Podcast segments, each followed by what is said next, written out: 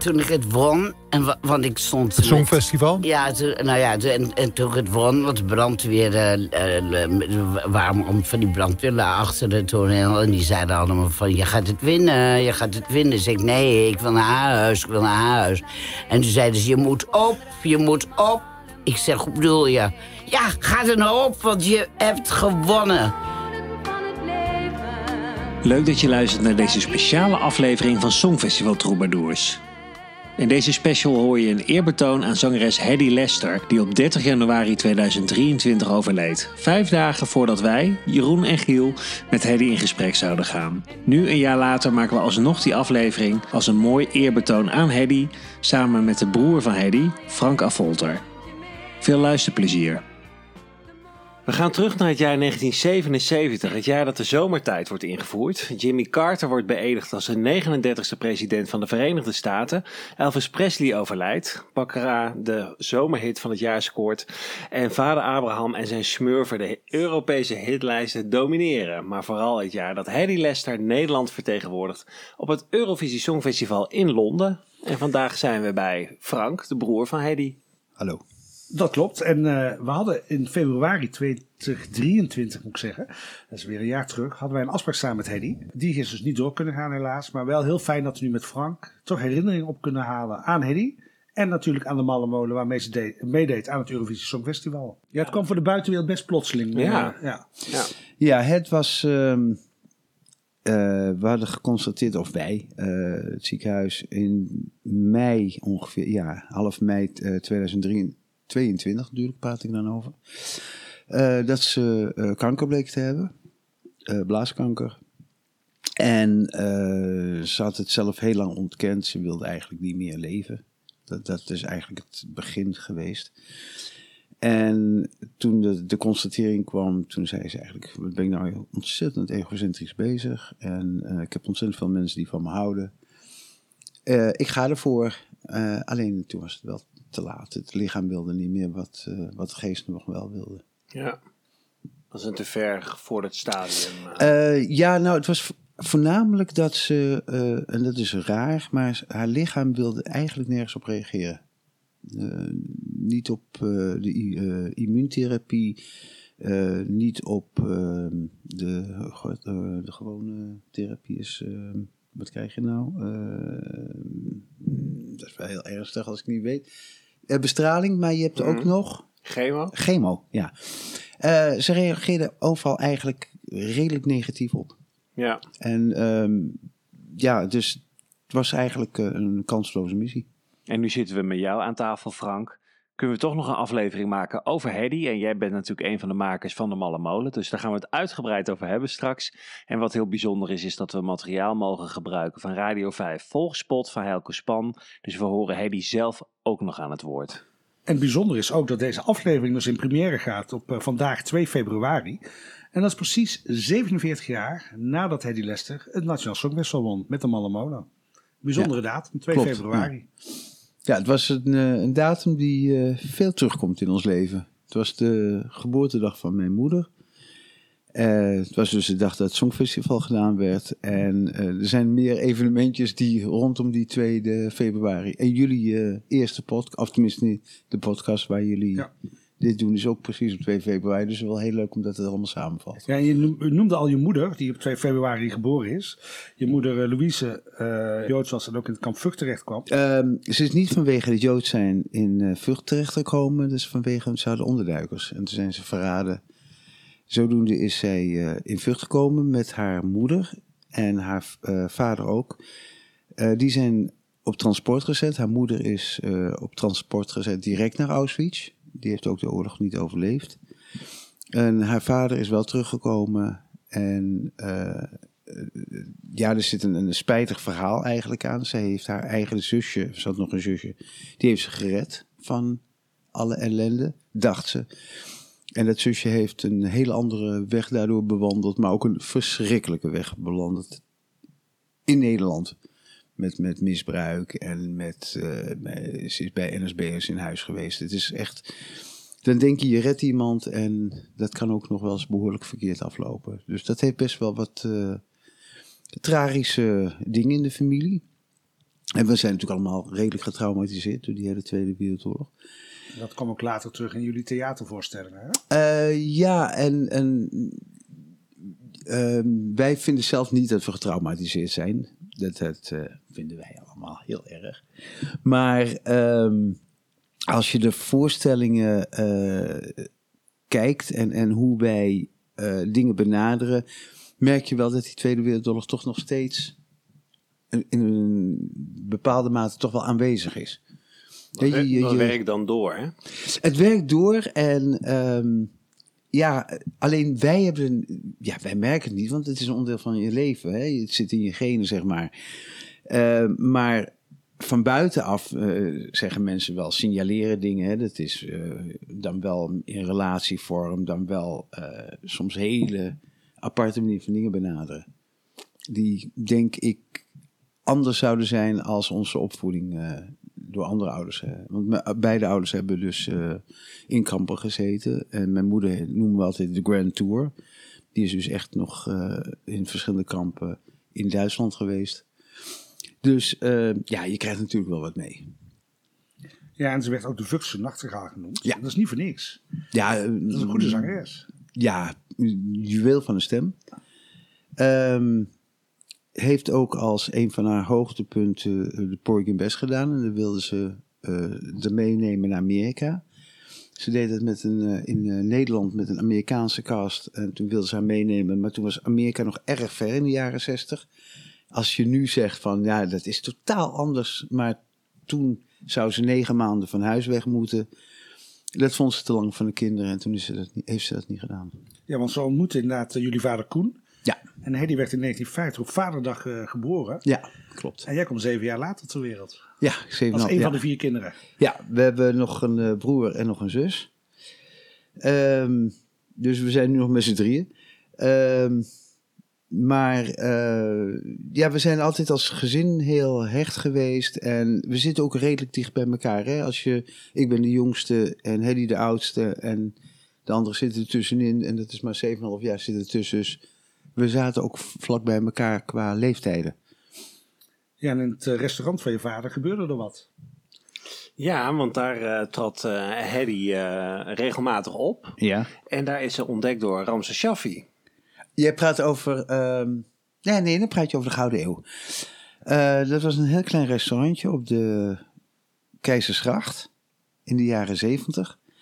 En daar kwam Ramses op een gegeven moment langs. Ehm, en die ehm, heeft haar toen.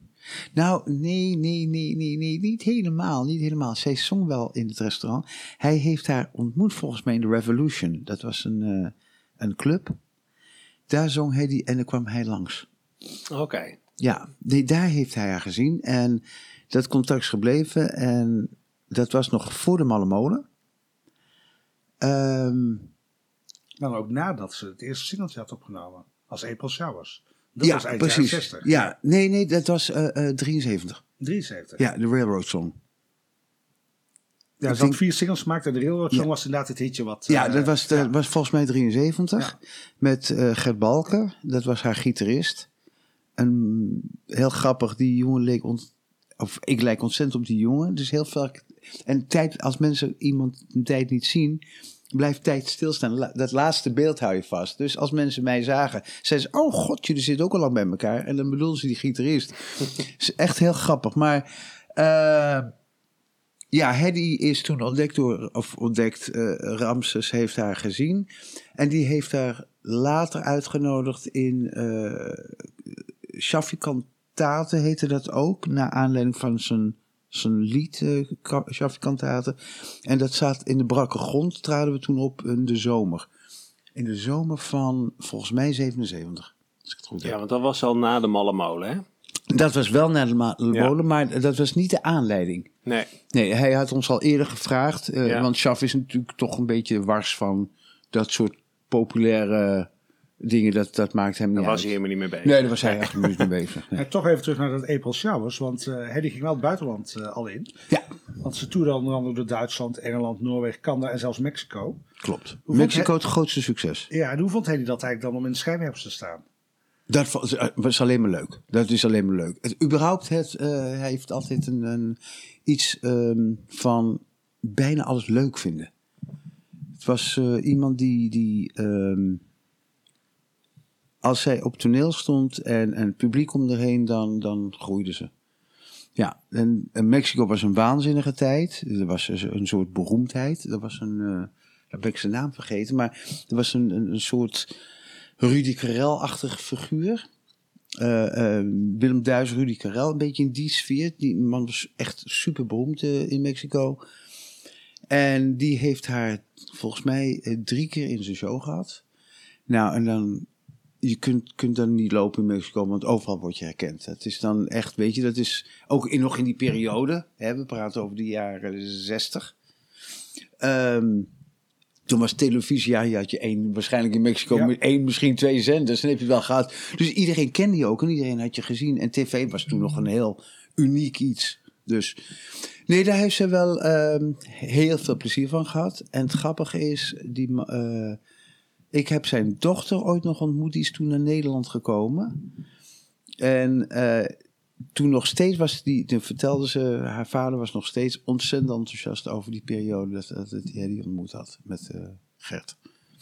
Ja. Bijzondere periode was dat. Ja, we ja, een hele. Ja, heel ja. speciaal. Canada was heel apart. Canada uh, hadden ze, uh, stonden ze in het theater. Maar we hadden een kelner, want ze, ze hebben daar ontdekt in de Gouden Eeuw, in het restaurant. En er was een kelner, en die kelner die zong mee met Hedy en, en Gert.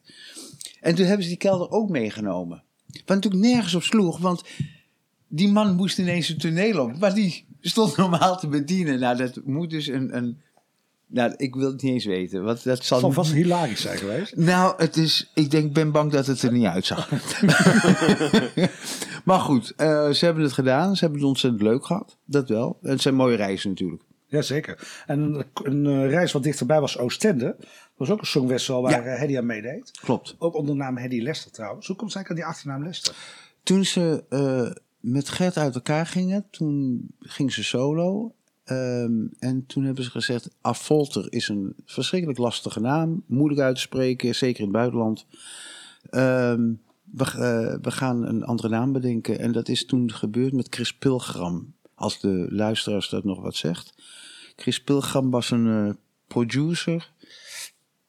En het is in de tijd allemaal van Shaffi en, en um, Harry Saxioni. In, in, die periode waren dat soort uh, jongens allemaal een beetje bij elkaar. Uh, werkte heel veel samen.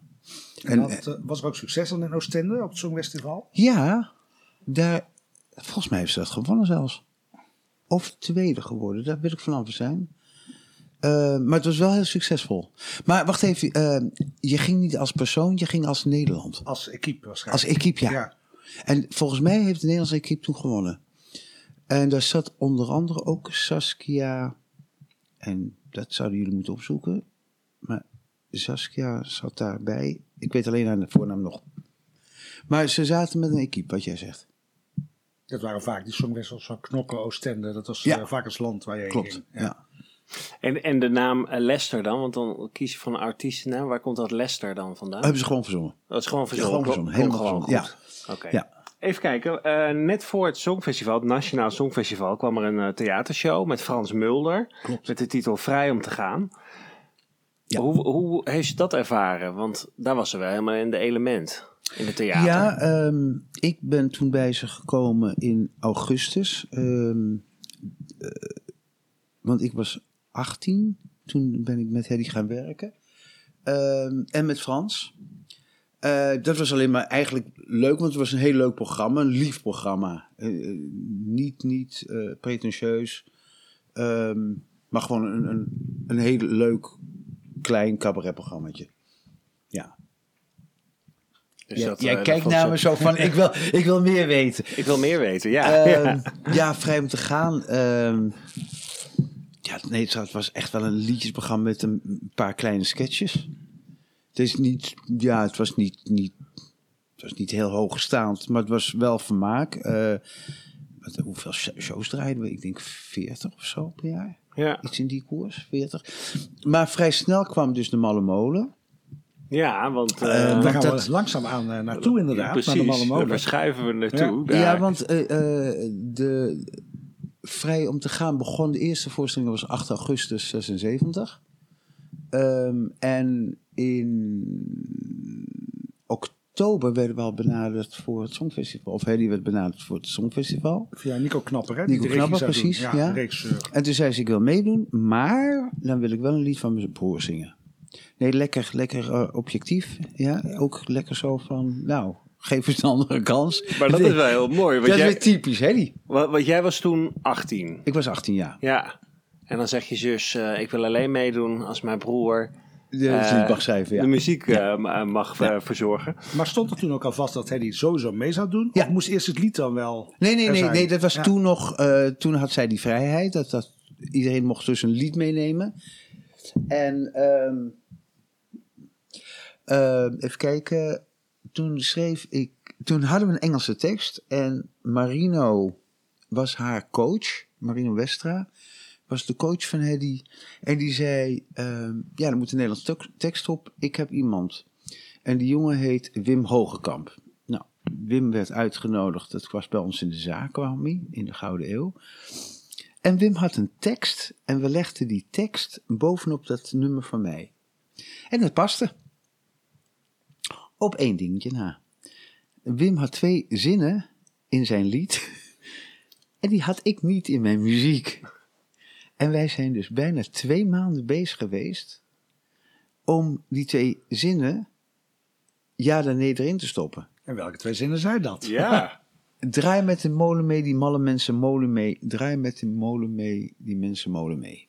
Dat was die twee zinnen. En ehm, toen zijn we uiteindelijk naar Dick Schallies gegaan. Dick Schallies was de componist van een beetje.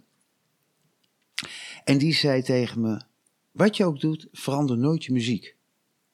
Tekst moeten ze maar aanpassen, maar verander nooit je muziek. Hij zei, want dat is een vast concept, daar moet je niet aan zitten.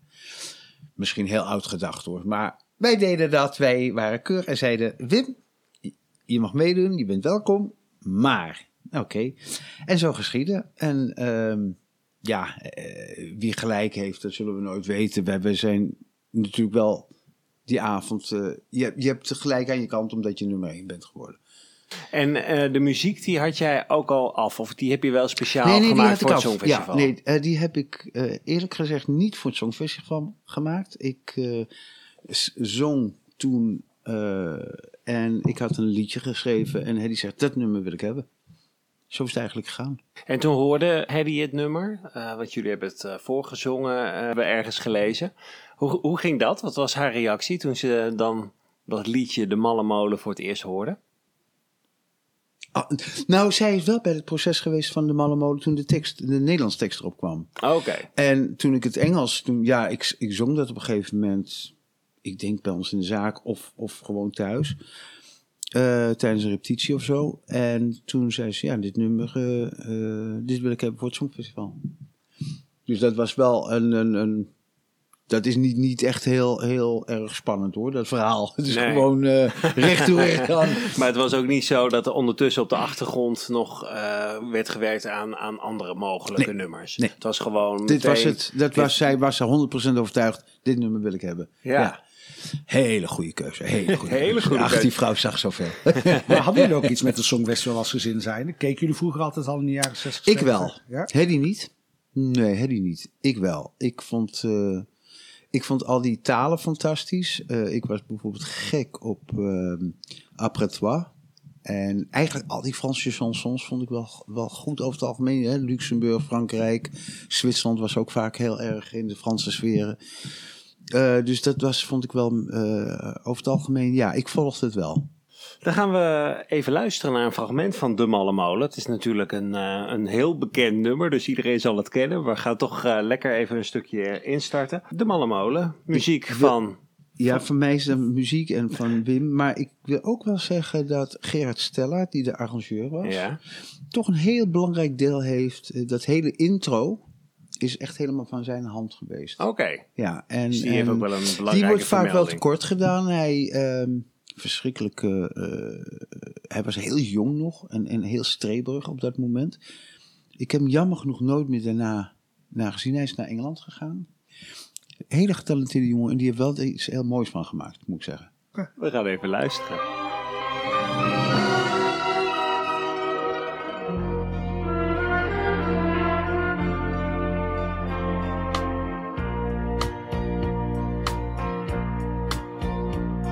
De malle molen van het leven draai je allemaal je eigen rondje mee.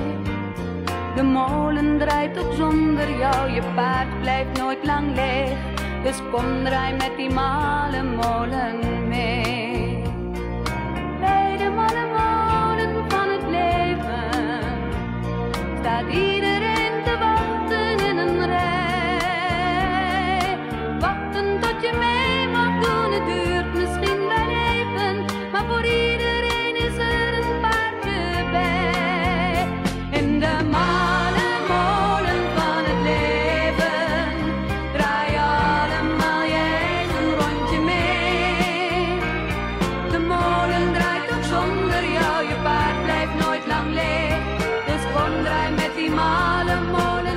Malle Molen. Eh, hoe kwam Wim eigenlijk op die tekst, Frank? Weet je dat? De Malle Nee. Molen, iedereen draait zijn eigen rondje Nee, mee. hij had gewoon een eigen theaterprogramma. En ehm, hij, dit was een lied volgens mij wat hij voor zijn theaterprogramma had geschreven. Ja. En dat ging dus naar het eh, Nationaal Songfestival. Prachtige tekst met de verwijzing zo naar het leven en hoe het kan lopen. En dat maakt ook dat veel mensen het draaien op uitvaarten. Dat was nummer drie, hè? Op de uitvaart. Ja? Ja, ja nummer twee of nummer drie. Zo nee, het heeft giga gescoord. Ja, dus ja, ja echt een Eh, metafoor eh, van, van de malle molen en het leven. We Dat, hebben eh, nog lopen duwen tegen waarheen. Maar die kregen we toch niet van die nummer En 1 die plek blijft, af. Nee, die... die eh, Staat denk ik nog steeds heel hoog. Volgens mij staat ze nog steeds. Ja, Waarheen, onze Mieke. Van Nou, Mieke ik denk dat dat nu wel allemaal verdwenen is. Hè, met eh, de hele, hele manier van uitvaart is zo anders geworden. Ja. Hè, we zijn zoveel vrijer geworden. Maar toen de tijd, eh, ja, dat, je een dat paar opties. Ja, en beetje, ik, denk ik denk ik. dat het, dat, wel, dat vind ik wel een hele grote eh, verbetering. Of, of, ik vind het een goede verandering, laat ik het zo zeggen. Ja, dat, dat we luchtiger met de dood omgaan. Ja. Maar dan toch even nog naar het Nationaal Songfestival. Want deden best grote namen mee. Henny was de enige zonder platencontract op dat ja, moment. klopt. Hoe kwam dat tot stand, dat platencontract? Was dat voor het Nationaal of was Nee, dat pas? daarna pas. Daarna pas. Daarna pas, ja. Toen Ja. werd pas echt eh, gezegd, we willen met jou in zee. Ehm, nou, nee, nee, ja. Op het moment dat ehm, zij met het Songfestival eh, werd gevraagd, toen zijn er eh, vlak daarvoor zijn wel eerste gesprekken geweest, maar ze wilden natuurlijk wel even kijken hoe of wat. Consequentie is dat je, er zaten een paar nare consequenties aan en dan praat ik over naar in de vorm van financieel. Ehm, en, en, en ook succes daardoor. Ze hadden de fout gemaakt. Je mag pas het lied zingen zes weken voordat het uiteindelijke Eurovisie Songfestival is. En dat was op 7 mei. Nou, als je zes weken terug gaat, dan kom je ergens in maart uit. Half maart. Tot die tijd, dus ruim een maand, mocht Hedy het lied niet zingen. Terwijl je wel gewonnen hebt. Dat was heel slecht voor het lied. Ehm, en dan praat ik puur over de commerciegedeelte, hè, de, de plaatsverkoop en dergelijke. Dus hij stond in programma's en dan mocht ze het niet zingen. Dan zong het publiek het lied. Ja, echt, echt te bizar. Ja, had ook nog een reden dat het pas 7 mei was. Komen we zo nog even op terug trouwens. Eh, ja, klopt. Ja. Ehm, en het andere gedeelte was dat doordat er geen platenmaatschappij direct was, lagen de platen pas anderhalve week, twee weken later in de, in de winkels. In de schappen. We liepen gewoon eigenlijk achter de feiten aan. Ehm, normaal hou je een, ehm, een eh, hou je ongeveer een, een klinkt vreselijk voor de, voor de mensen die nu thuis zitten te luisteren en denken van wat is het toch een vreselijk beroep wat die mensen hebben. Want je krijgt gewoon, kunt gewoon een huis kon je overhouden aan een songfestival nummer. Als je dat geschreven had, zoveel geld ging daarin om. Of zoveel platen werden verkocht. Ehm, dat hebben we, heb ik niet gehaald. Ik heb een half etage kunnen kopen ervan. Eh, maar het is zo, zo eh, eh, kan iets kantelen door de timing die niet goed is. En ehm, ik heb het niet slecht hoor, dus je hoeft geen medelijden met mij te hebben. En het werd Maar- al een redelijke hit natuurlijk. Hè? Het werd een redelijk hit, maar volgens mij is hij rondom de 70.000 blijven hangen. En hij had de 130, 140 moeten halen. Zo, eh, dus dat is echt wel beduidend door die Ja. verkeerde timingen, verkeerde invullingen. Maar dat was in die tijd dan eh, normaal. Maar als ik dit nu zo hoor, dan denk ik 70.000 exemplaren verkocht. Dat is natuurlijk eh, in deze tijd natuurlijk alsnog eh bizar veel. Ja. Maar ja, dat was natuurlijk een hele andere tijd. En we hadden ontzettend leuk, dus grappig. Wim was, eh, ik was dus net 19.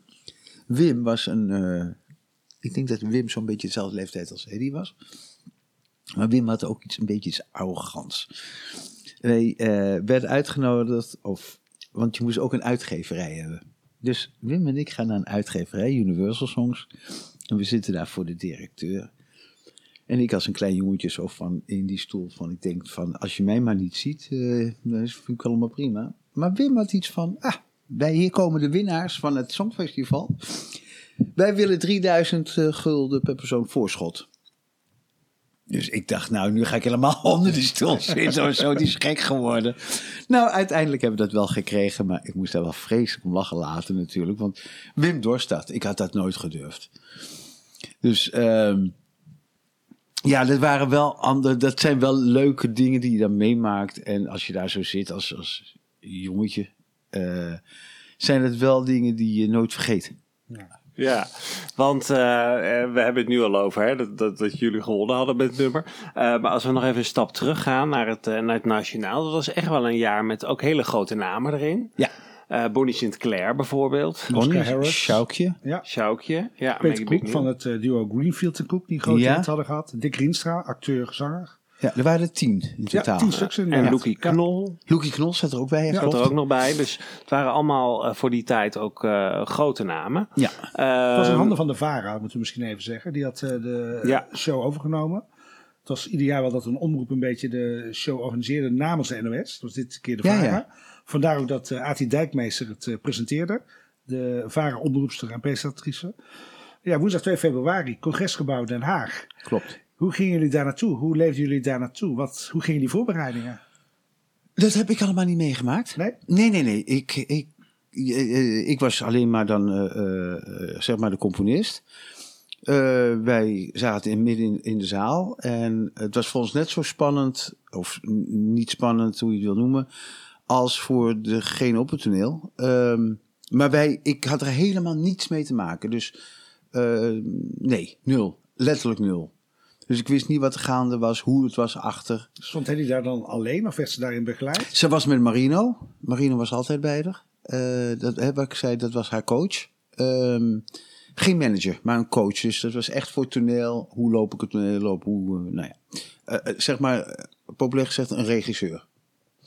Ehm, en ik heb daar helemaal niets eigenlijk van meegekregen. Natuurlijk is het leuk als je wint. Ehm, maar ik moet je heel eerlijk zeggen, ik ben nogal een. Klinkt vreselijk, maar ik ben een beetje onderkoeld mens.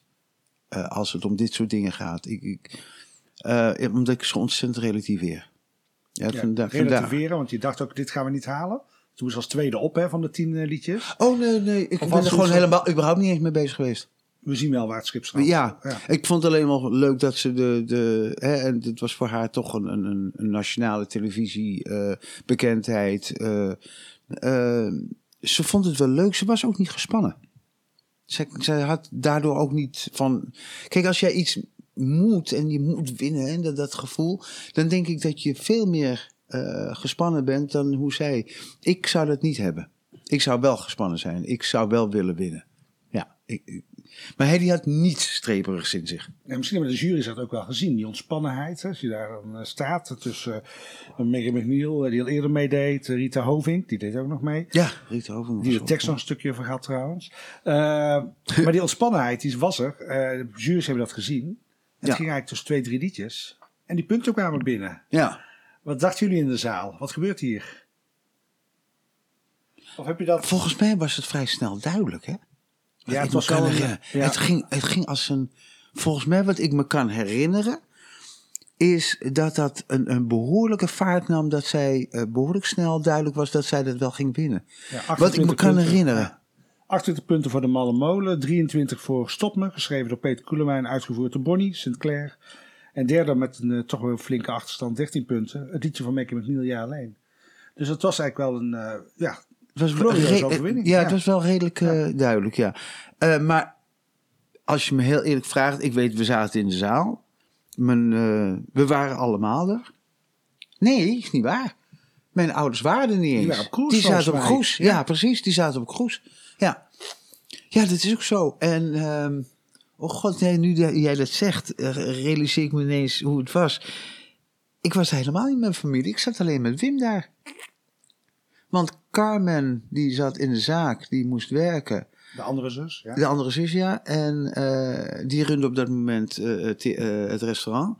En Robin, waar die was, is geen idee. Of ik kan me niet voorstellen dat hij erbij was. Want dat is het gekke. Ehm artiest zijn bij ons is gewoon ook een vak. Dus of je nou in de bakkerij staat, of je eh timmert aan de weg of iets dergelijks, maakt niet uit. Het is maar een vak.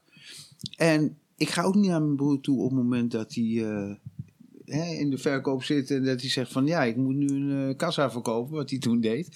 Daar ga ik ook niet mee. Dus wij hadden die, die, die, grootheid rondom dat vak helemaal niet. Nul. Je doet het gewoon.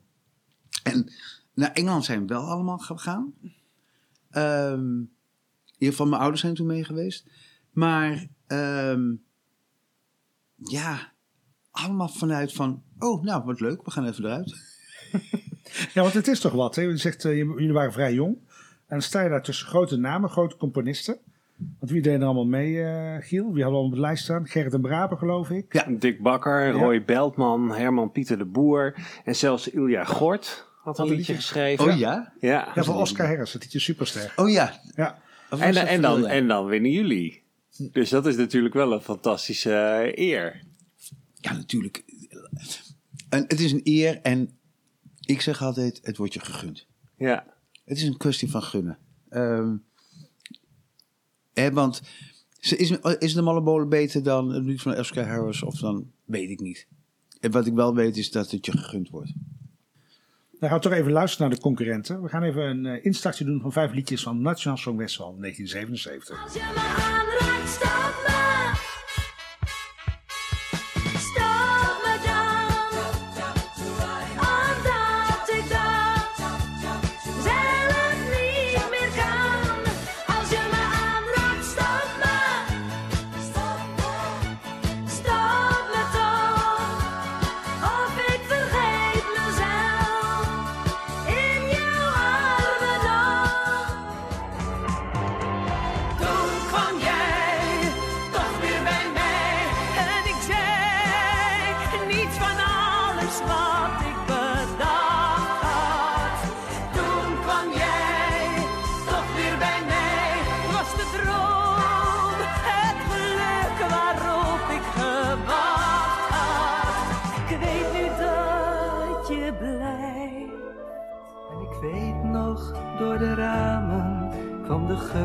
van hars en hei. En mijn nichtjes plukten bramen, aan de muur hing een gewei. Elke avond na het feestmaal had mijn oom een nieuw verhaal. Van Pinocchio,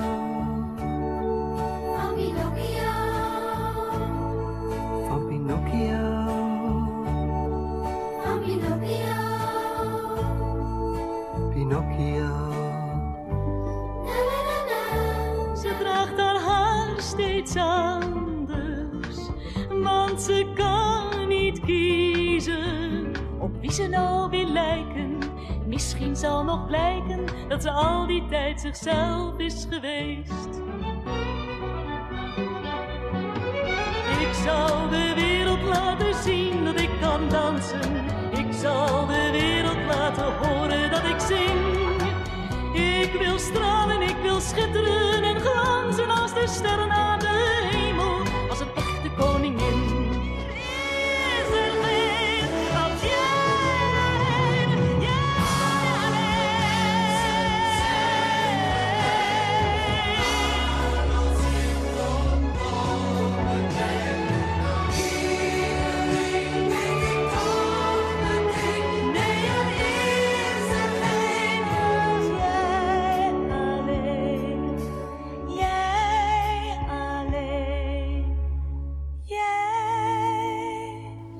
horen de volgende nummers. Eh, Bonnie Sinclair met Stop Me, een lied van Peter Koelewijn. Vervolgens hoorden we Rita Hovink met het liedje Toen kwam jij, geschreven door Gert den Braber en Dick Bakker.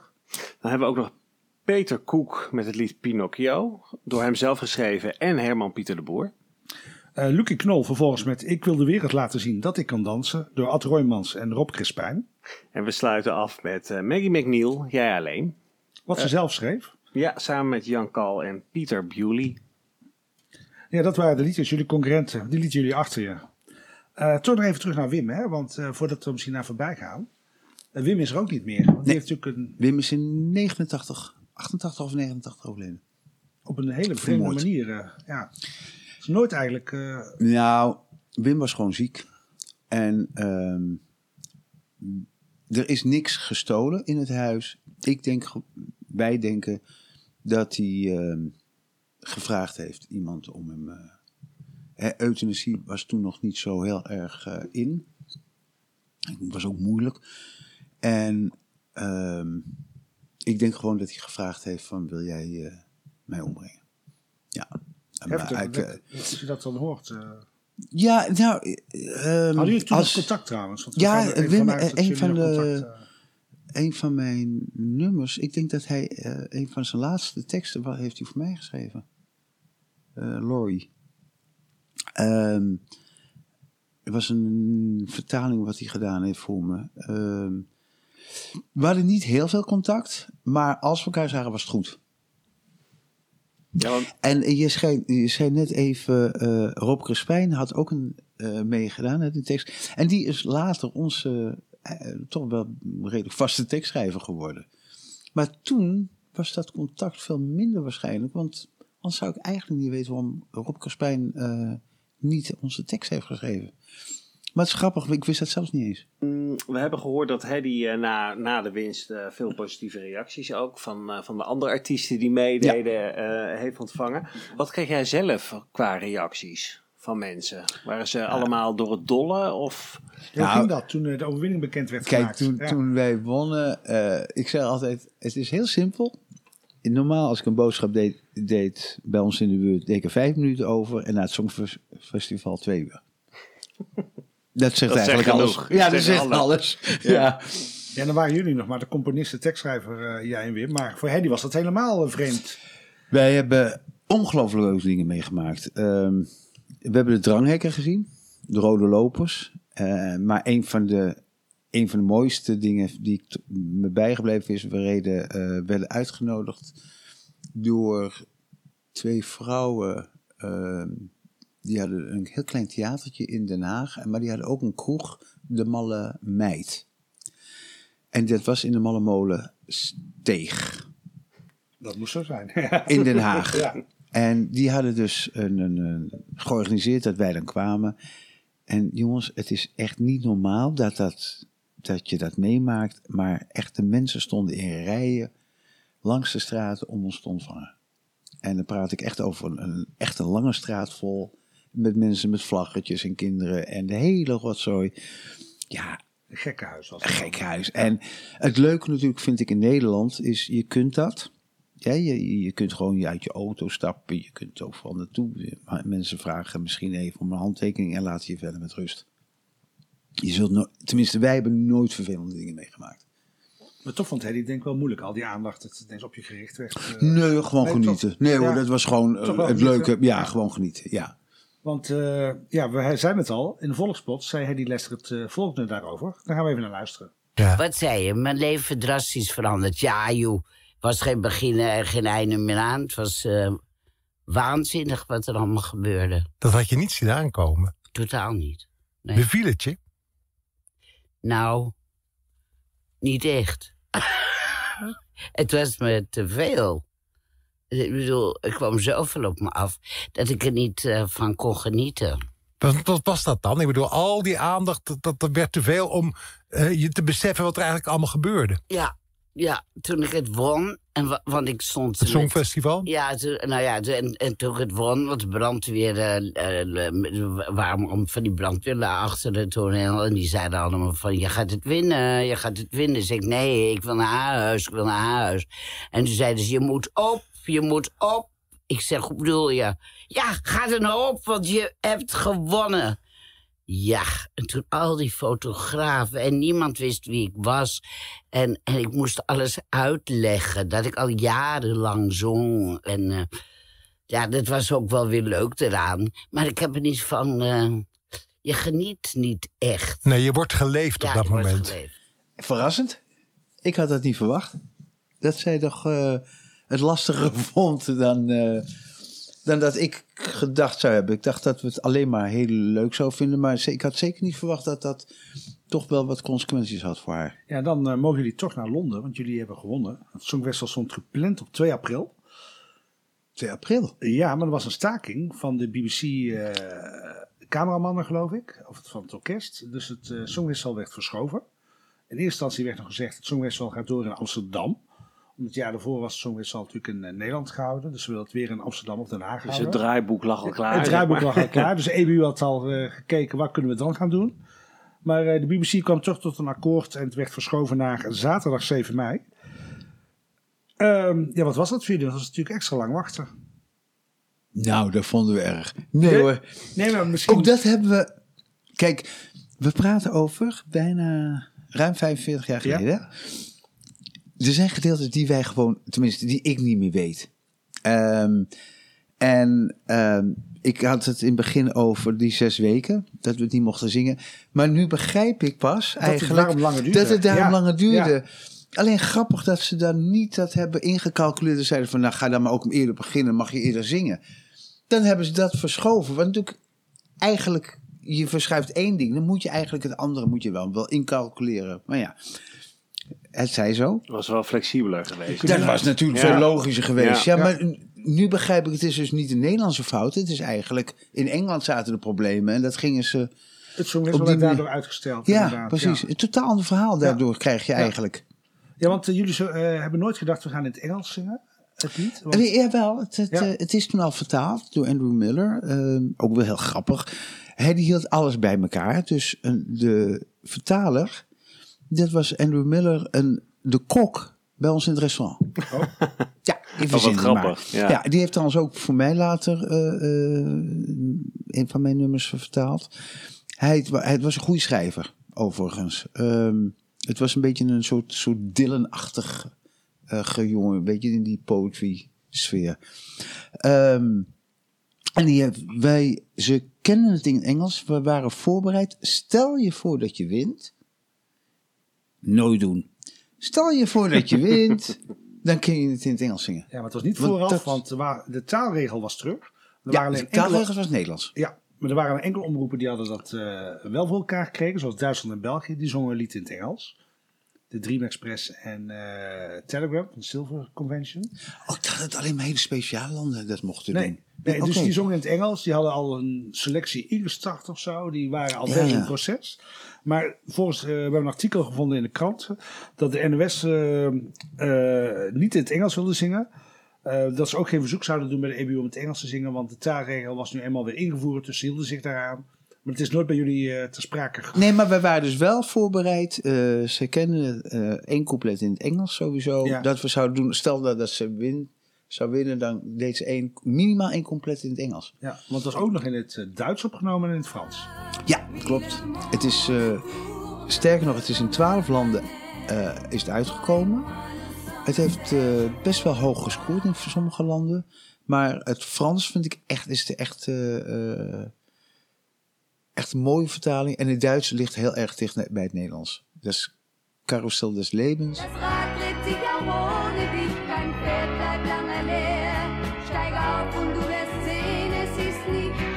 Ja, want zo meteen komen we nog op eh, de covers die er allemaal gemaakt zijn. Maar even terug naar het Eurovisie. Eh, je gaat naar Londen. Eh, was er een draaiboek? Hoe ging dat? Jullie mochten mee, zei al. Heel de niet. familie ging mee. Nee, Oh, nee, sterker nog, ik, ik heb daar de tijd van mijn leven gehad.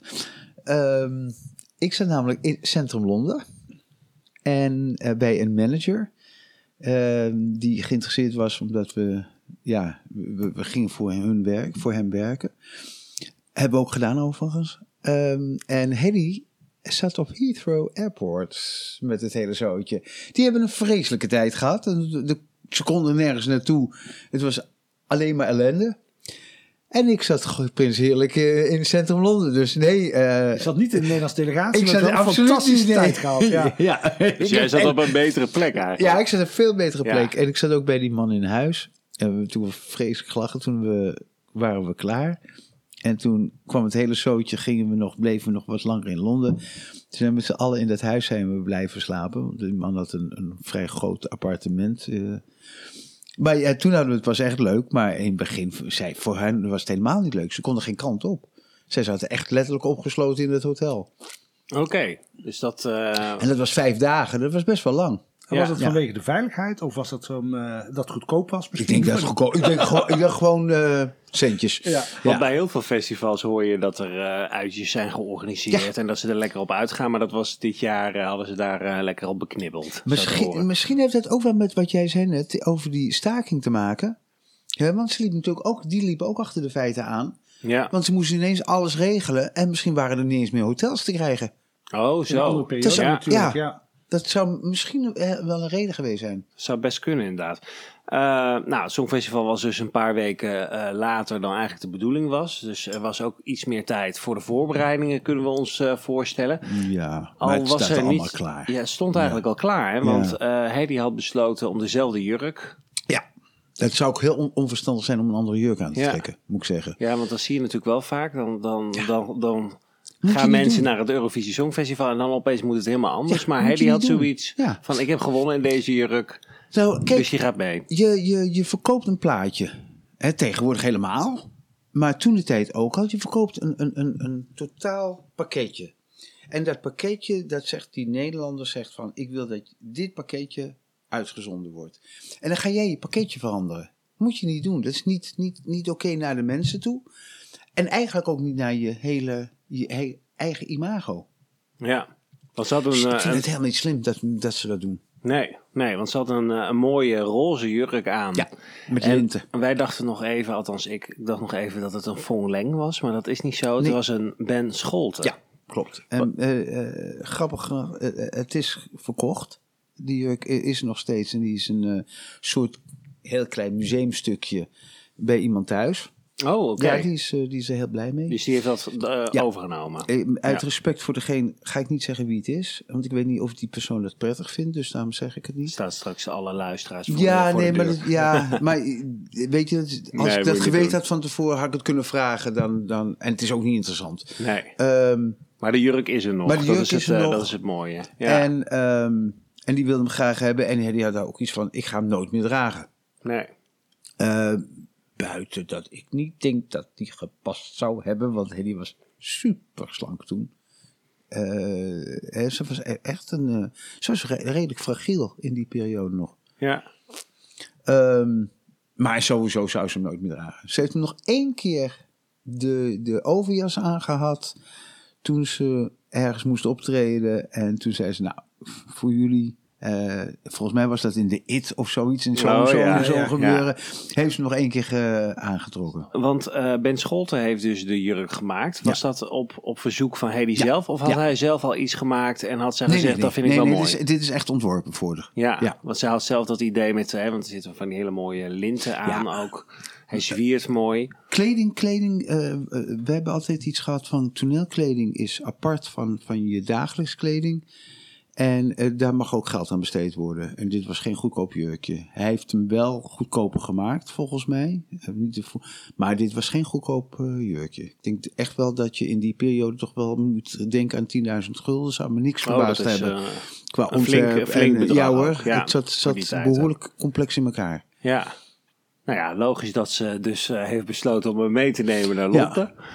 En eh, ook de backing vocals, die hadden ook een, een soort gelijke Ja. outfit. Ja, het was wel eh, helemaal op elkaar Ja. afgestemd, ja. Ja, Ja, en een van die backing vocals eh, was, Was- de, de zus, hè? Carmen. Ja, Carmen, eh, mijn andere zuster, die eh, zat in het uh, backinggroep. en Jodie Pijper, die zou gezongen hebben, die werd ziek. En daarin is Carmen is toen, eh, eh, heeft, heeft toen die plek ingenomen, ja. Ja, toen in de ANP heeft nog een foto gemaakt dat eh Hedy op bezoek is bij eh Jodie Pijper. Ja. Met de kooltrui voor de mond. Dat ze zelf niet ziek zou worden. Nee, nee. want De helft van de delegatie was blijkbaar ziek geworden. Nog voor alle mondkapjes was Ja. dit al de oplossing. Eh, in die tijd, ja. ja, Want eh, ja, daar komen we zo meteen nog even op terug wie er allemaal ziek waren.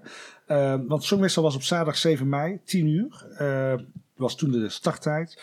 En Nederland moest als derde op. Weer heel vroeg in het programma. Ja. Wat vond hij daarvan? Weet je dat nog? Of maakt ze Nou, haar... nee, dat maakt niet uit. Eh, Een van haar grootste. ehm, ja, waardoor ze geraakt is. Een van de eh eh, supposten. Die eh, zei: eh, Je gaat winnen. En die haalde zijn. Die had een zegelring om. En die haalde die van zijn vinger. En die gaf het aan haar. En dat was haar. Daar kon geen winst tegenop tegen, tegenover dat gebaar. En eh, even, eh, er is ongelooflijk veel geld verloren hè, op haar. Want zij stond nummer 1 bij de boekmakers. De Nederlands stond hoog bij de boekmakers. Ja. Klopt, heb ik ook Ze heeft nummer 1 gevonden. gestaan Ja. bij de boekmakers. Ik weet niet of dat tot in de lengte van dagen geweest is in die periode. Maar ik weet wel dat er een moment geweest is, en dat is nog maar vlak voor het Songfestival zelf, dat ik het hoorde, van, ze stond nummer 1 op de boekmakers. Ja, met andere landen stond ze in ieder geval wel eh, in de top 3, top 4 op het einde. Ja. Eh, zometeen komen daar een paar landen van terug die in de top 5 eh, zijn geëindigd. Eh, maar even terug naar die ziekenboeg. Want eh, ze- Nederland moest als derde op. En die, eh, de commentator, of commentatrice moet ik zeggen, dat jaar was Ati Dijkmeester. Ja. En eh, hoe ging die aankondiging? Daar gaan we even naar luisteren. Jodie uit de backinggroep ligt nog steeds ziek in bed. En misschien vindt u mijn stem ook wat schor. Dat klopt ook wel een beetje. Maar naast me in de cabine zit Wally van Kampen met een gigantische fles hoestdrank in zijn achterzak. En daar hoop ik dan de avond wel mee te halen. Zonder eh, al te optimistisch te willen zijn, wil ik u toch wel vertellen dat Hedy het tijdens de repetities ontzettend goed heeft afgebracht. Ook hele leuke reacties kreeg van persmensen bijvoorbeeld. Ze staat ook eh, heel goed genoteerd bij de boekmaker. Ik bedoel maar. Zenuwen heeft ze niet meer, zegt ze, maar dat kan ik me nauwelijks voorstellen. Aan de beurt is nu Hedy Lester. De Nederlandse ziekenboeg in eh, Londen. Eh, met jou ging volgens mij wel alles goed. Je zat afgezonderd van de Nederlandse delegatie. Klopt, ja. Hè, die was dus niet gespannen, zoals Ati zei. Hoe zat het bij jullie, bij jou en Wim? Jullie zaten in de zaal, neem ik aan. Ja, wij zaten niet in de zaal, we zaten aan de zijkant. Eh, waardoor het geluid giga slecht was. Wij hoorden Hedy achter de muziek aan zingen. Ik was er ongelooflijk boos over, kan ik me nog herinneren. Ik zei, verdomme, wat ben je in godsnaam aan het doen? Ehm, maar goed, ehm, dus ik, ik, eh, ik was niet veel anders dan dat ik nu ben. Ehm, dus ik, was, ik ben dan niet de leukste als het misgaat. Dat weet ik nog wel. Maar jij hoorde dat dus anders dan dat Ja. kijker dat hoorde. en het komt waarschijnlijk, er stond waarschijnlijk een delay op de.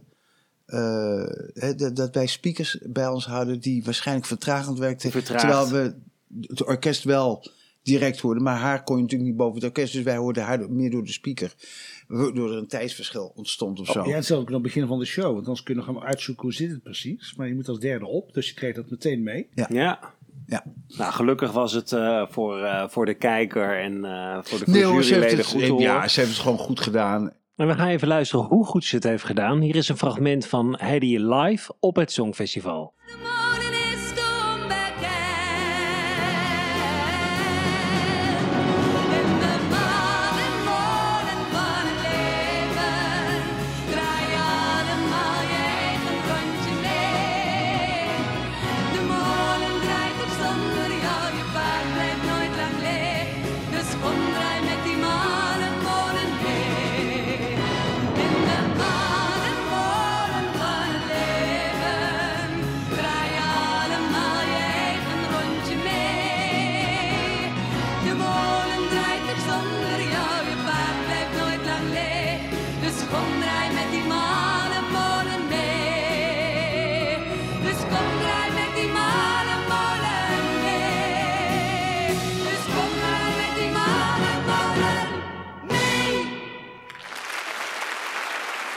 Ja, want er waren, kwamen maar 35 punten, hè, 12e plaats op 18 landen. We hadden wel 9 landen punten over de Mallemolen. Onze buren België gaven 10 punten. 8 uit Frankrijk, 7 uit Zwitserland. Ierland en Monaco gaven 3 punten. En dan waren er nog het Verenigd Koninkrijk, Griekenland, Israël en Spanje. Die 1 punt over hadden Ja. voor de Mallemolen. Ja. En dat is heel plaats. raar Ja. eigenlijk als je dan bij de boekmakers zo hoog staat. Ja, En dan kom ik terug op mijn overhaal. Het is gunnen. ja. Ja, en want je zit dus, dus ergens zit dat niet. Maar is er dan ook sprake van een enorme teleurstelling als je ervan uitgaat van nou, ze, hè, ze wordt getipt voor de winst en Hedy vervolgens niet, wordt het 12? Ben ik bijna wel zeker. Hedy niet. Ik denk dat dat meer bij mij zou zitten. Ja. Kan ik me iets bij voorstellen, ja. Want volgens jou, je kende de concurrenten ook, had de malle mode thuis gehoord in de top 5? Achteraf gezien, misschien ook op dat moment. Vind ik moeilijk. Ehm, ik weet wel, het is gewoon een goed, een, een, een goed nummer. Hè, het is, een, het is een, een, een, echt een chanson, wat dat betreft. Maar, ja jongens, dat, nee, dat weet ik niet. Dat vind ik moeilijk. Het is ook mijn eigen nummer, dus nee, dat vind ik echt heel moeilijk. ja, de top 5. Ehm, Ja, de nummer 1, Frankrijk. Marie-Myriam met L'Oiseau et l'Enfant. Op nummer 2 het Verenigd Koninkrijk, wat heel vaak op nummer 2 is ge- geëindigd trouwens. Eh, met Lindsay de Paul en Mike Moran met Rock Bottom. Dan kwamen de Ieren met de Swarbiks Plus 2. It's nice to be in love again. Dan hebben we op eh, nummer 4 Monaco met Michel, Thor en Un Petit Française. En de Grieken werden vijfde. Het, dat was de groep eh, bestaande uit Pascalis, Mariana, Robert en Bessie. Met het liedje Matema Solfege. Spreek je dat fantastisch uit, Ja, is Ongelooflijk. Ja, Grieks is weer helemaal opgehaald. Maar ja, de mannenmolen dus twaalfde. En eh, Ja. zo Ja. jullie naar huis. Ja, is- maar dat, de twaalfde was nog net goed, want toen de tijd gingen twaalf nummers op een LP. Dus we kwamen nog in heel veel landen uit. Dus hij heeft toch nog heel veel, eh, in heel veel landen is hij eh, uitgekomen. Ja, en ook soms eh, in andere versies. Hè? Dus een Finse versie van eh Katri Elena, Ja. die ook twee het Songfestival heeft meegedaan. Dus een Portugese versie, een eh, Zweedse versie volgens Ja. mij. En ook in Nederland is heel vaak opgenomen. Paul de Leeuwen en Fried Kimmel namen precies. het op. Ja, klopt. Eh, heel veel eh, Nederlandse zangers hebben het opgenomen. Hij heeft de, toppers. de toppers heeft Ja. hij vrij lang meegedraaid. En ze schijnen hem nog steeds af en toe te zingen. Ja, nee, kijk, dat lied heeft natuurlijk ontzettend veel... ik- ik- wou zeggen, heeft zich bewezen. Nee, dat bedoel ik niet. Het, het is ontzettend vaak opgenomen en opgepakt. En dat is gewoon een compliment. ja. Dat is natuurlijk een, ja, het is een evergreen. Dus Ja. ja, wat wil je nou meer als componist? Mag je toch niet meer verlangen? Nou, we gaan een aantal liedjes eh, in die eh, uitvoeringen die we net noemden op onze playlist zetten. Maar die ging gewoon door met haar carrière. Eh, ze besloot niet om het land in te gaan met een bandje onder haar arm onder Malle Molen overal te gaan zingen. Nee, ze ging het theater in en in eh 82 had ze daar een interview over op de Amsterdamse TV. En daar zei ze het volgende over haar deelname aan het Songfestival. En wat ik me dan herinner, en eh, ik moet het zeggen tegen je, ik weet. Tuurlijk. hè, de mannenmolen. De mannenmolen. De mannenmolen. Ja, ja, ja, dat is zo. En dat vind ik eh, nog steeds ontzettend leuk hoor. Maar je, je wordt, je blijft, het blijft je achtervolgen je hele leven lang. Ik bedoel, ik heb dat toen gedaan en het was één liedje en dan moest ik. eh, Zongfestival ja, was dat. was eh, ja, het Songfestival. Wanneer? Eh, 77. Ja. En het was enig allemaal. En het was een soort, eh, ja, het was een soort Johan Cruijff, zeg, die eh, door de stad heen liep. Het was echt te gek. je was er helemaal, hè? Ja, het is fantastisch.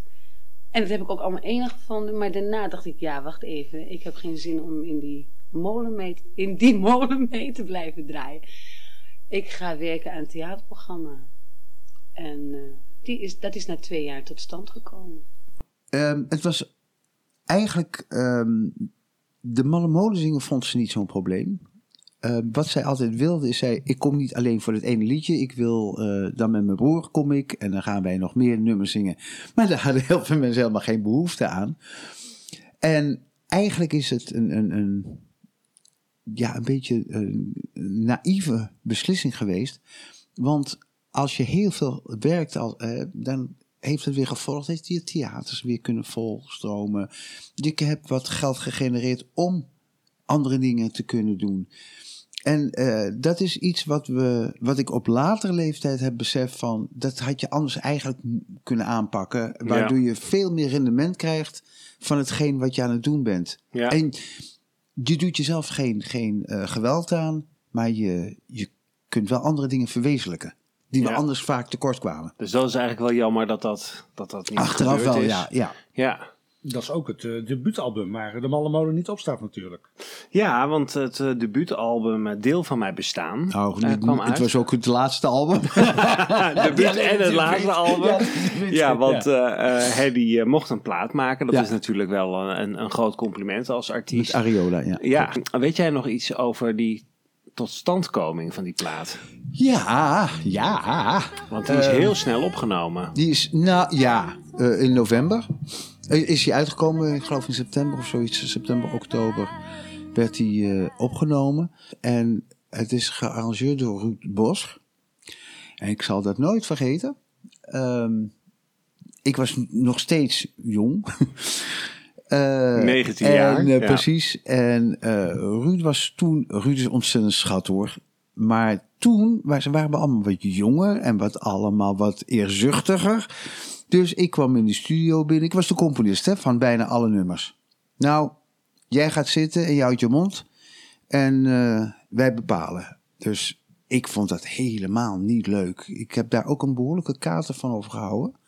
Eh, Want ik wilde helemaal niet meer, echt zelf voor mezelf, wilde ik ook nooit meer opnemen. En Hedy, die heeft de hele plaat in twee dagen ingezongen. Wat belachelijk is natuurlijk. Ja, dat is echt, Dat is echt, een echt opgenomen. Ja, dat slaat helemaal nergens op. Waardoor dus niets. ehm, en ze kon gelukkig vrij goed zingen, maar ehm, je krijgt geen ruimte voor echte nuances. Het, waren, bijna allemaal one- one-takers. Het is eigenlijk gewoon een lijst afwerken. Ja, en, ik, wat was de ik reden dan? Eens. Ja, eh, of dat nou geld is geweest. Dat of, het goedkoper was, eh, twee ik opnamen heb daar. geen idee. Ja, want het was gewoon in een goede studio. Ehm, maar ik vond dat niet. ehm, en, en, en wat weet je nog, hè? Ik, ik- we waren super jong, behoorlijk onervaren.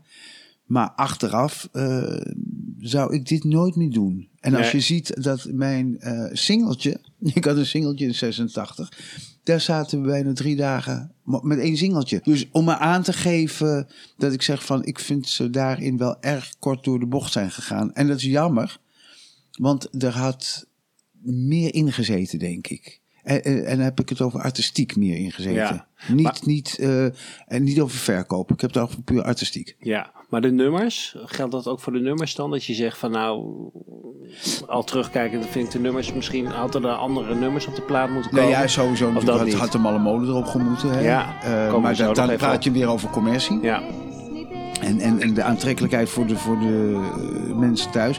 Maar dan moet je er ook wat mee doen. Dan moet je hè, misschien een ander arrangementje. Want de single heb je al. Dus misschien moet je zeggen van ik ga er Ja. iets meer groeien. Het was hele klassieke plaat. Hè, met, met viooltjes en fluitjes en hele rotzooi.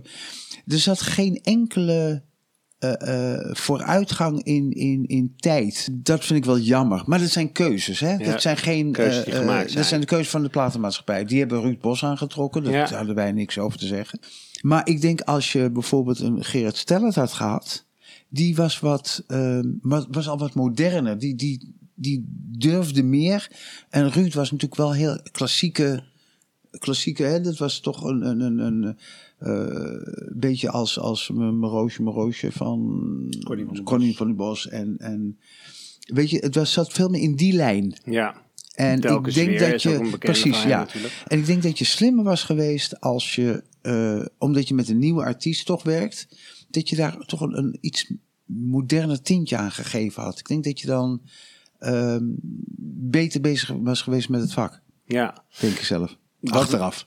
Ja, ehm, wat wel opvalt is eh, meteen het beginnummer, zeg maar, van, eh van de plaat Patsboom. Ja. Eh, want dat verwijst ook weer naar de Malle Molen Klopt, en ja. naar haar Songfestival deelname.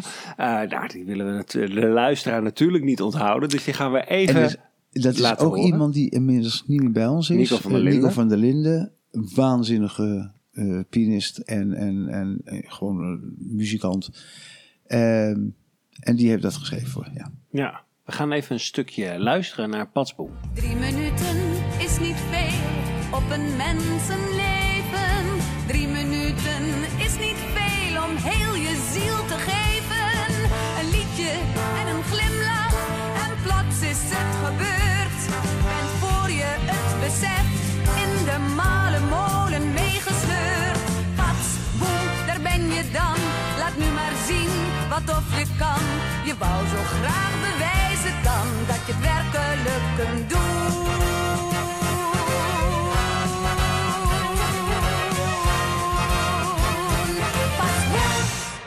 Superleuk en eh, vrolijk enthousiast nummer. Ehm, nou ja, ze, ze be- eh, bezingt de Malle Molen. Alleen eh, wat dus opviel, wat net al even is besproken, is dat de Malle Molen zelf niet op de LP is verschenen.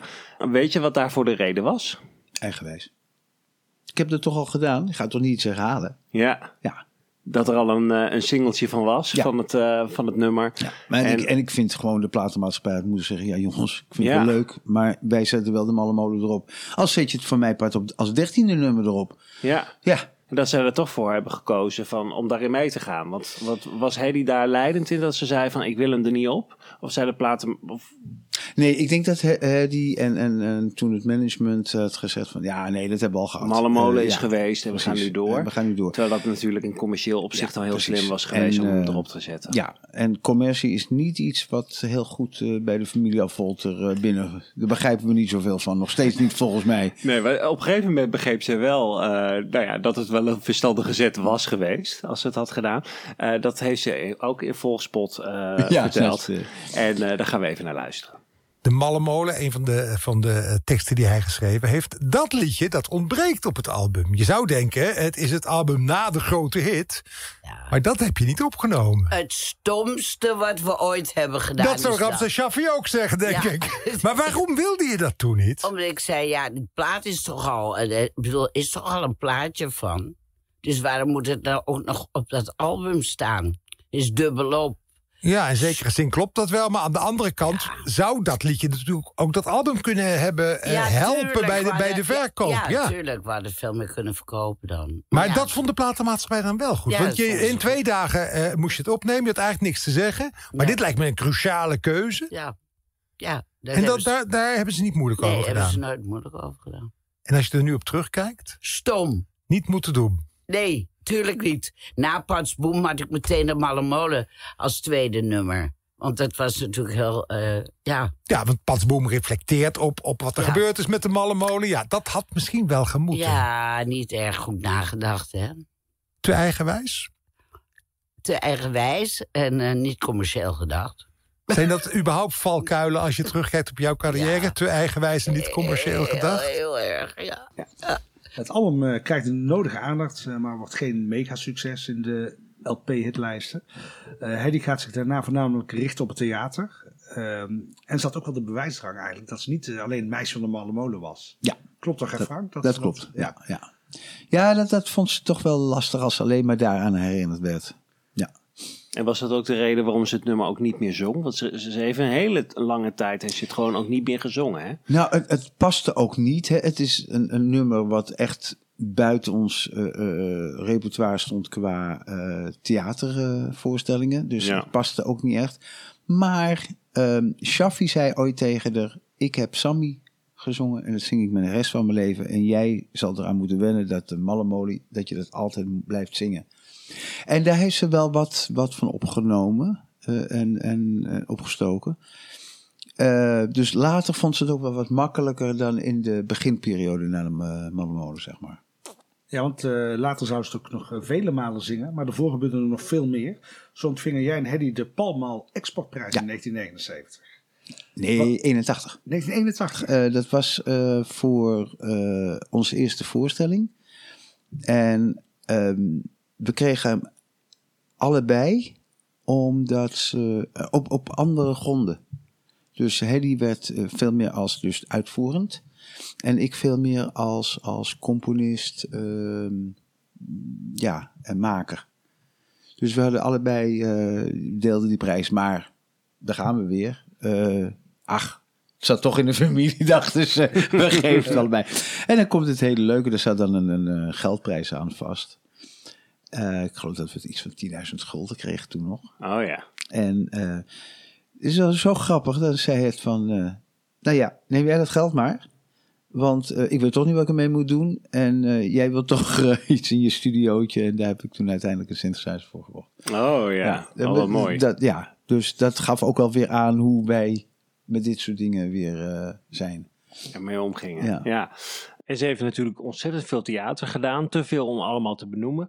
Maar een van de grote successen was Ghetto. Ja, Ghetto is haar grootste. Ja, toch wel. Als we nou praten over. eh, wat vind je het mooiste wat je in je leven gedaan hebt? Dan stond Ghetto echt wel bovenaan. Dat was een stuk over de Tweede Wereldoorlog in een, in het plaatsje Wilna. Ehm, het is een toneelstuk eh, van een Israëlische schrijver.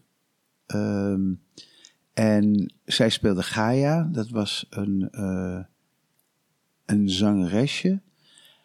En Hedy was nog geen actrice toen. Hè? Dat was echt nog Dat helemaal... is daardoor gekomen, ja. Dat is, heeft heel veel. Erik Vos zag dat. We, we gingen auditie doen. Of Hedy ging auditie doen. Maar eh, de hele familie trok weer mee. Dus mijn broer mee, ik mee. En we- ik zal, eh, we hebben het nog wel over gehad. Ehm, ze moest een liedje zingen met een, ehm, in haar gedachten dat ze in het kamp zat. En toen zat ze bovenop in, achter een, een, eh, een reling. En schat, mijn broer die, die ging giga onderuit. En ik had ook eraan in mijn ogen. en dat deed ze zo mooi. En toen dacht Vos, ik moet jou gewoon hebben. En hij is aan haar gekomen via via. En het was besproken op een tramhalte. Oh. Toen zei iemand eh, tegen Vos van... Heb je wel eens aan die Lester gedacht? Hij zegt, wie is Lester in godsnaam? Hij zegt, ah, dat is een meisje. Dan moet je maar eens luisteren, een Joods meisje. Nou, dus Vos totaal niet weten. Want die wist natuurlijk ook niks van een malle molen. Logischerwijs. Het is een totaal andere wereld. Hè? Ja. Dat, ik geloof niet eens dat iemand weet wat Songfestival is, bij wijze van spreken. Ehm, dus die stond helemaal open. En dat is natuurlijk wel heel leuk als iemand onbevangen naar iets kijkt. Dan beoordeelt hij ook op hetgeen wat hij te zien krijgt en niet op je verleden. Ja. En ja, dat heeft ze toen gedaan. En eh, buiten dat, hij, heeft, hij is zo blij met haar geweest dat hij zelfs in haar boek heeft hij het nog aangehaald. Hij, hij vernoemt haar in zijn boek. En het is een, een, voor haar ja, de, de rol geweest. Ze zegt altijd, ik heb twee dingen in mijn leven gedaan waar ik van genoten heb. Dat is eh, met mij werken. In, onder andere eh, in de musical Alleen op de Wereld eh, had ze eh, een van de grote rollen. En, en Ghetto. En waarvan ik gewoon zeg, Ghetto is nummer één. Ghetto is... Maar eh, eh, ik ben de broertje, dus eh, dat blijft altijd wel belangrijk. Ja. Maar dat, dat eh, Ja, er ja, volgt er nog veel meer. hè. 10.000 zakdoeken bijvoorbeeld. Ook 10.000 is natuurlijk een heel mooi programma geweest. Dat hebben we heel veel gespeeld in eh eh, Vught en, en door het land. Eh, een heel klein programma met, met z'n tweeën. Of tenminste met twee, twee mensen op toneel en eh, ik zat achter de piano. Ehm, en dat is een stuk over hoe onze ouders elkaar in de Tweede Wereld ontmoet hebben in Vught. En ehm, hoe de, na, eh, de kinderen daarvan, hoe die reageren en hoe er een derde generatie op reageert. Dus het is echt een, een, een, zeg maar een soort oorlogsverhaal, maar vooral hoe de, de, wat er daarna gebeurt en niet wat er tijdens de oorlog gebeurt. Ja. Hè, Dus dus de, de, Wat het doet in de mensenleven, zoveel precies, generaties ja. verder. En, en eh, wanneer stopt het een keer? Ja, en je, we noemen nu jouw carrière al een beetje, hè? want jij was bij, met Hedy te zien op het podium. Ja. Maar had zelf, zei je al net ook al, een, eh, toch wel een aardige hit in 1986. Je benoemde hem al net iets eerder. Tweetalig. Ja, klopt. Eh, The Way to Love en Het is nog niet te laat. Ja. Hoe kwam dat eh, op je pad? Want dat was ineens, was daar Franka Volter, de broer van. Ehm, ja, dat, is, dat nummer heb ik op een gegeven moment geschreven. Heel spontaan bij ons in de zaak. Eh dit was een soort improvisatie en het werd een nummer. Ehm, zal ik je heel eerlijk zeggen, ik weet niet eens hoe wij bij de platenmaatschappij... Ik denk dat dat Robin, mijn broer, gedaan heeft. Want die heeft op een gegeven moment is een beetje mij geholpen. Want die werkte bij Universal Songs, uit- de uitgever waar ik ook zat. Ja.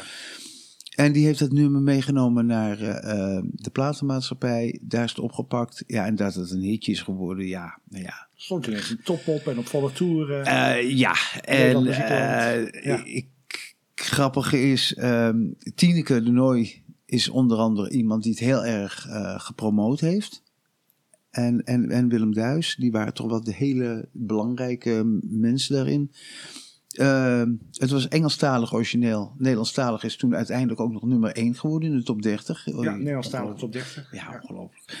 Nou, en toen eh, ging ik hetzelfde als Hedy eh, het land in hè, met mijn liedje. Dus eh discotheken in. En ik kijk mijn broer aan en ik zeg, Ro, is dit wat ik moet doen? Hij zegt, ja, dit gaan we doen. Ik zeg, nou, dit was de laatste. Ik ben...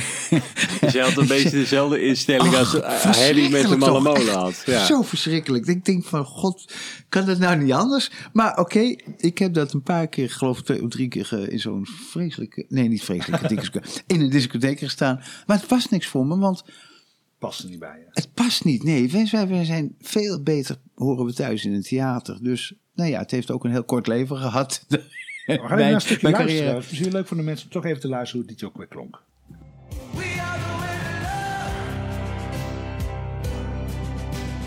Wave goodbye to clowns we thought were gonna be our heroes. You can't forget them as from now. We are the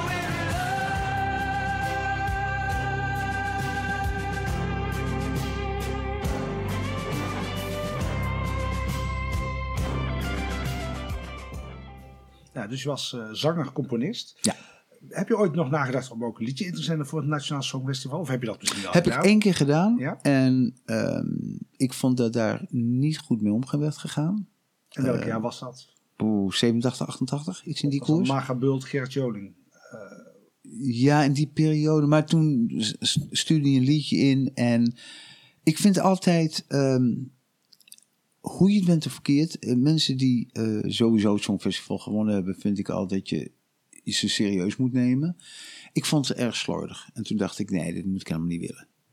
En het gaat mij niet om of mijn nummer gekozen wordt. Ik vind dat je wel eh, er goed mee om moet gaan. Er zijn, ik vind dat namelijk, het Songfestival vind ik een, een open festival.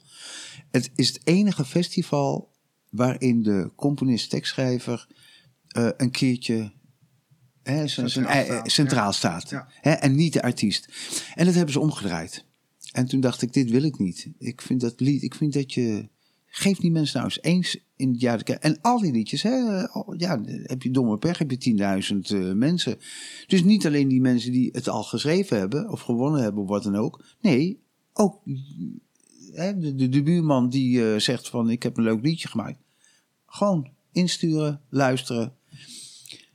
En daarin vond ik ze erg slordig worden. En vind ik jammer. Ik vind het is het enige festival waarin die twee eh, takken eens een keertje uitgelicht mogen worden. hebt nooit iets gehoord toen je de compositie had ingezonden. Heb je Nee. nooit zo'n feedback gehad? Nooit? Nee, nooit. Niks. Dat is dan weer niet zo netjes. Eh, maar we zagen je ook op tv bij de Voice Senior in het team van Ilse de Lange. Ja, ja dat was... eh, Hoe was die ervaring? Om met Ilse samen te werken en, eh, en werkt niet programma samen. mee te doen. Je werkt niet samen. Nee.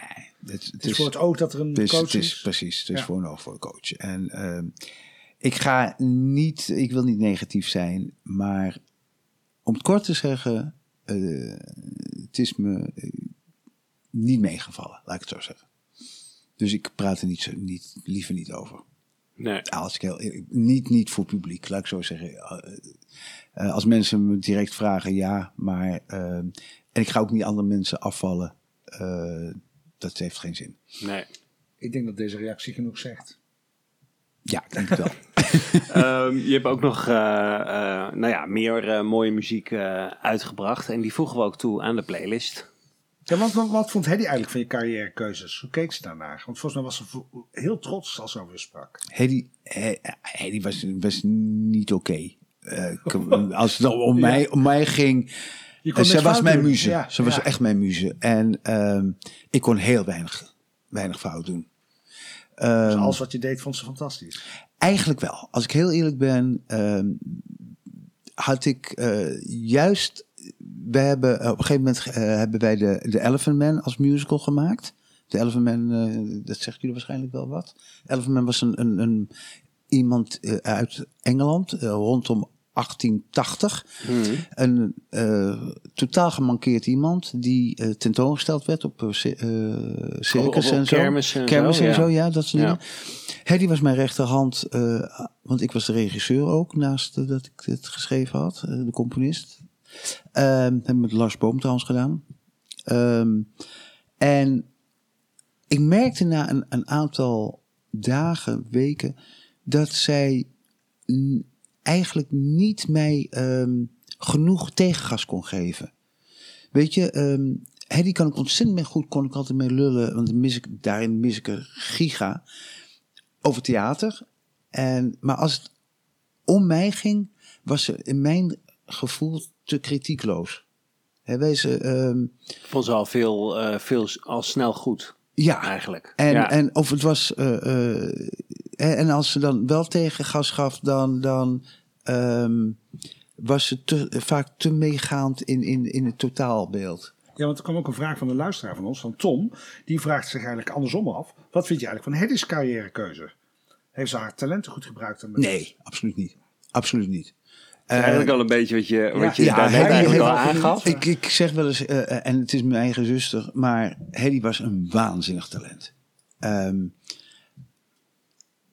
wat, haar, wat zij het minste goed kon, was, was de weg ernaartoe. Maar op het moment dat zij op toneel stond, dan, dan gebeurde er wat. Ze kon ongelooflijk entertainen. Plaatartiest? Nee. Ze was, was geen plaatartiest. Maar als je haar, ehm, en jij hebt haar gezien op toneel, eh, er- gebeurde echt wat op toneel. Er, staat echt iemand eh, eh, te entertainen en, en een verhaal te vertellen.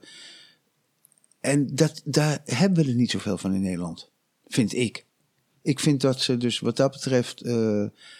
ze had, en dat, merk je wel door de appel. als je met Erik Vos praat, praat je wel over een van de grote van Nederland. Mhm. Van de productie Ghetto. Eh, ja, van de productie Ja. Ghetto. En hij is als regisseur, hij heeft, ik geloof, van 10 of 15 jaar bij de Appel gezeten. Appel is natuurlijk een goed theater. Later heeft ze met Sansi gewerkt. eh Trojaanse Vrouwen. was ook zo'n een, een, een prachtig product dat we op Oerol gedaan hebben. Eh, het Oerol Festival. Ehm, en, en haar talent had veel eh, groter of meer uitgebuit kunnen worden als zij de juiste mensen had gekozen qua management. En misschien wel, hè, want mensen zeggen wel eens, ja, je hebt altijd aan je zusje gehangen, waardoor jij niet doorontwikkeld bent. Dat zal absoluut deels waar zijn, maar andersom waarschijnlijk ook. Als hij misschien los meer van mij was geweest, was er misschien wel veel meer kunnen gebeuren, had er veel meer kunnen gebeuren met haar carrière. Maar je moet het wel willen. Want het leukste wat het, voelt, ja. ja. het, het leukste wat, wat je, waar je Hedy blij mee kon maken, is om bij haar thuis te komen met een mannetje of acht tot tien aan haar tafel waar ze zat voor het koken. Daar genoot ze intens van. En dat vak vond ze leuk, maar het was niet zaligmakend voor haar. Ja, dan toch gaan we toch even terug, weer terug naar Heddy en naar de Malle Molen. Want in 99 staat ze toch op het podium met de Malle Molen. Ja. Met eh, grote, eh, ja, wat was het? De Songwester van de Eeuwshow, van de AVRO. Eh, maar ze is wel van het lied gaan houden, zei ze later, ook in Ja. meer interviews. Klopt. Wat deed dat voor jou, dat ze dat zei? Oh, dat is een hele leuke vraag. Dat, dat doet mij niet zoveel. Natuurlijk vind ik het leuk, maar ik, ik vind het veel leuker dat het voor haar wat doet dan voor mij. Dat, dat, dat, nee, dat is voor mij geen, geen verandering. Eh, nee. Nee. Het is toch de muziek die dan nog weer terugkomt op het podium waar zij staat. En, Ja, en- dat vind ik. Kijk, als zij daar blij van wordt, dan, dan is dat. maakt het mij blij. Maar eh, het is niet van. eh, eergevoel of zo. Iets, iets in die trant. Nee, dat heb ik helemaal niet. Ja, en in het eh, programma Volgspot eh, vroeg Helco Span ook nog aan Hedy hoe ze herinnerd eh, wil worden. Eh, als die zangeres van de Malle Molen of eh, meer eh, gericht op haar theatercarrière. En dit zei ze daarover. Waar, waar wil je aan herinnerd? Of wa- waaraan willen, wil je graag dat mensen jou herkennen? Eh, dat meisje van de Mallemolen of dat meisje en die vrouw van die prachtige theatervoorstellingen? Kan me niet schelen. Als ze me maar herkennen. Nee hoor, nee, dat is niet waar. Die herkenning, ach, daar heb ik niet zoveel mee. Ik, eh, ik vind het leuk als mensen me herkennen. En al is het van ghetto, want daar doel je op natuurlijk. Ja, bij de Appel heb je Ja, dat Appel. gespeeld. En, eh, Voorstellingen over jouw moeder die in de dodencel van Kamp Vught zat. Ja, ja, eh, ja eh, de- het, het maakt me niet uit. Ik vind het altijd heel lief en ik word, ben altijd ontroerd als mensen mij nog kennen of mij herkennen. Ja, vind ik mooi. De- en het kan me niet schelen of het nou de malle molen is of wat het ook is. Als ze zeggen, hé, hey, ben jij niet? En dan zeg ik, ja, dat ben ik maar. Of, of, of ik zeg als, als eh, eerste zeg ik meestal van... Ja, ik weet niet wie je bedoelt. Nee, ik ben, ik ben niet Corrie Brokken, roep ik vaak. Dus, nou, Maar als ze dan jouw naam noemen, is ja, dat toch een mooi compliment. Ze is altijd Ja. heel lief. Heel lief. Ja, is grappig. Reageert altijd totaal anders dan ik. Als er iemand naar de toe kwam buiten, dan, dan vond ze dat oké. maar ze had altijd een soort ontkenning. En dan zei ze, ja, nee, ik ben... eh, u dacht zeker dat ik Therese Steinmetz was of zo. Dat kon ze wel zeggen. En ik ben daar totaal anders in. Ik, ik maak het de mensen nooit moeilijk wat dat betreft. Ik, ik eh, knik dan van, ja, je hebt gelijk of, of zo. Ehm, want de mensen in Nederland zeker vinden het al moeilijk vaak om iemand te benaderen. Wij, wij zijn niet een volk die meteen bovenop iemand duikt en zeggen: Oh, ik zie een bekende Nederlander. Ehm, wij zijn best wel een bescheiden volk daarin. Dus ik ga het ze daar niet moeilijker maken, nee. Nee. Maar het is ook een vorm van humor, denk ik. Ja. Ja. Ja, dit was eh, hoe, eh, hoe Hedy eh, er zelf over dacht, hoe ze herinnerd wilde worden. Wat, Ja. wat zijn jouw mooiste herinneringen aan Hedy? Is natuurlijk een hele moeilijke vraag. Jezus. Ik, ik kan alleen maar een voorbeeld geven en dan begrijp je een beetje de, de verhouding hoe het en ik waren met elkaar. We hadden opgetreden. Nou, dan rij je naar huis, dan zit je ongeveer een uurtje zeg maar, in de auto. Lullen, lullen, lullen met z'n tweeën. Dan breng ik haar thuis en zegt ze, eh, we gaan het nu over ongeveer half twee, zeg maar even. Kom maar, ga even binnen, kopje thee. Ik zei, ja, natuurlijk kom ik even kopje thee. Nou, weer. Is het inmiddels half drie. En dan rijd ik naar huis. En dan zegt ze, bel je nog even dat je goed thuis bent gekomen? Ik zei, ja, ik bel. Oké. Dan ben ik dus een kwartiertje later thuis. En dan zitten we nog een half uur aan de telefoon. Want ja, je zal toch maar wat vergeten zijn om iets te bespreken. Jongens, dit krijg ik nooit meer. Nee. Ik krijg niet meer die, ehm, dat ongelooflijke ehm, midden in de nacht elkaar kunnen bellen. Eh, wij, wij gingen allebei nooit voor tweeën naar bed. Dat is een deel van een leven. Dat krijg ik nooit meer met iemand. Ook niet dat, dat, dat gevoel niet, maar ook niet het gesprek niet. Nee, En daar word ik ook een beetje emotional van. Begrijpelijk. Ja.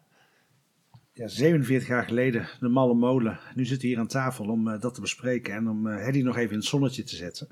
Ik hoop dat we dat eh, mooi gedaan hebben afgelopen eh, deze uitzending. Afgelopen uur wil ik zeggen, maar het is iets langer geworden. Eh, we willen jou heel erg bedanken, Frank. ontzettend graag gedaan. En we hopen de luisteraars snel weer eh, een nieuwe aflevering te laten horen. Tot snel. Jullie heel veel succes. Dankjewel. Bedankt voor het luisteren. Dit was de voorlopig laatste aflevering van Songfestival Troubadours. Maar natuurlijk komen we terug. Zodra er iets te delen is, vind je dat op Instagram, Songfestival Troubadours. En we sluiten af met een mooie tribute medley van Hedy Lester. Met daarin vier liedjes die de carrière van de zangeres op een bijzondere wijze toelichten. Uniek materiaal uit het archief van Franke Volter zelf. Het is speciaal voor deze aflevering van oude banden gehaald. Dus vandaar dat je af en toe een kraakje of een ruisje hier en daar hoort. We beginnen met het nummer Time, gezongen door Hedy en Frank uit de theatershow Wie Deelt. Tekst en muziek Rob Crispijn en Franke Volter zelf. Amsterdam, uit een tv-show, een cover van Je Vu Paris van Charles Aznavour met een hertaling van Frans Mulder. Het nummer Laatste Kwartier, eveneens uit een tv-opname. Tekst en muziek van Louise van Zanten en Franke Volter. Het nummer staat ook op deel van mijn bestaan in een iets andere versie. En tenslotte het nummer Weetje uit de voorstelling Rondkijken. Dat is een origineel Engelstalig nummer. We zijn er niet helemaal achter welk nummer dat precies is. Maar het is in ieder geval hertaald door Rob Crispijn. En het is uit 1984. Heel veel luisterplezier en tot snel. Nu het dan echt zo ver is, Time to say goodbye. laten we kalm blijven. Time now makes me cry. Je hoeft niets meer Time te zeggen, come. er valt niets uit te leggen. Time. Nu het dan echt zo ver Time to is, know for sure. geen moeilijke Time there tafereelen. is no more. We hadden met z'n tweeën toch al genoeg tonelen. Sure. Dit is toch wat je wilde. I am not so certain to change. Je hebt nu dus je zin. That's what I'm. So je kan opnieuw beginnen. Zonder mij en met jezelf, alleen jezelf waar je naar snakte. Moe van de nacht begint haar dag met harde puntjes en kadetten. Met ramen open koffie zetten en verse aan de kap. Het pyramid speelt zijn refreinen langs de pleinen en de grachten. Zo ligt ze op de dag te wachten, mogen minder element. Amsterdam, schat, vraag niet hoe het kan, schat. Dat is een stad om van te houden. Een stad waarop je kunt vertrouwen. De stad van Jan en allemaal.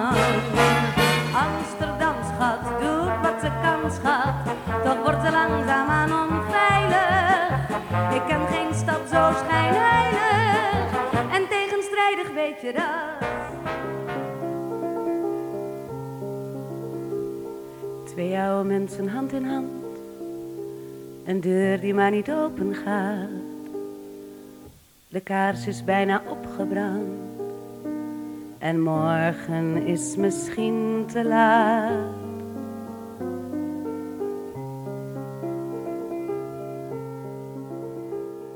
Hij woont nu vijf jaar in het huis. Een weduwnaar van tachtig. Zij is een paar jaar ouder nog. En weduwe, wat dacht je? Ze kreeg bij aankomst in het huis een kamer naast de zijne. Het was eerst de kamer van oom Daan, maar die is asjewijnen. Denk je dat dit huis mij niet beklemt? Als jij zo ongelukkig bent. Opgelucht sta ik op straat. Ik zeg niet dat jij nou maar moet doen alsof jij je lekker voelt en tof. Maar af en toe kan het geen kwaad. Je weet toch, als je lacht, verdwijnt de pijn. Na regen komt weer zonneschijn. Zo simpel zal het altijd zijn. Als je dat maar weet. Als je dat maar weet.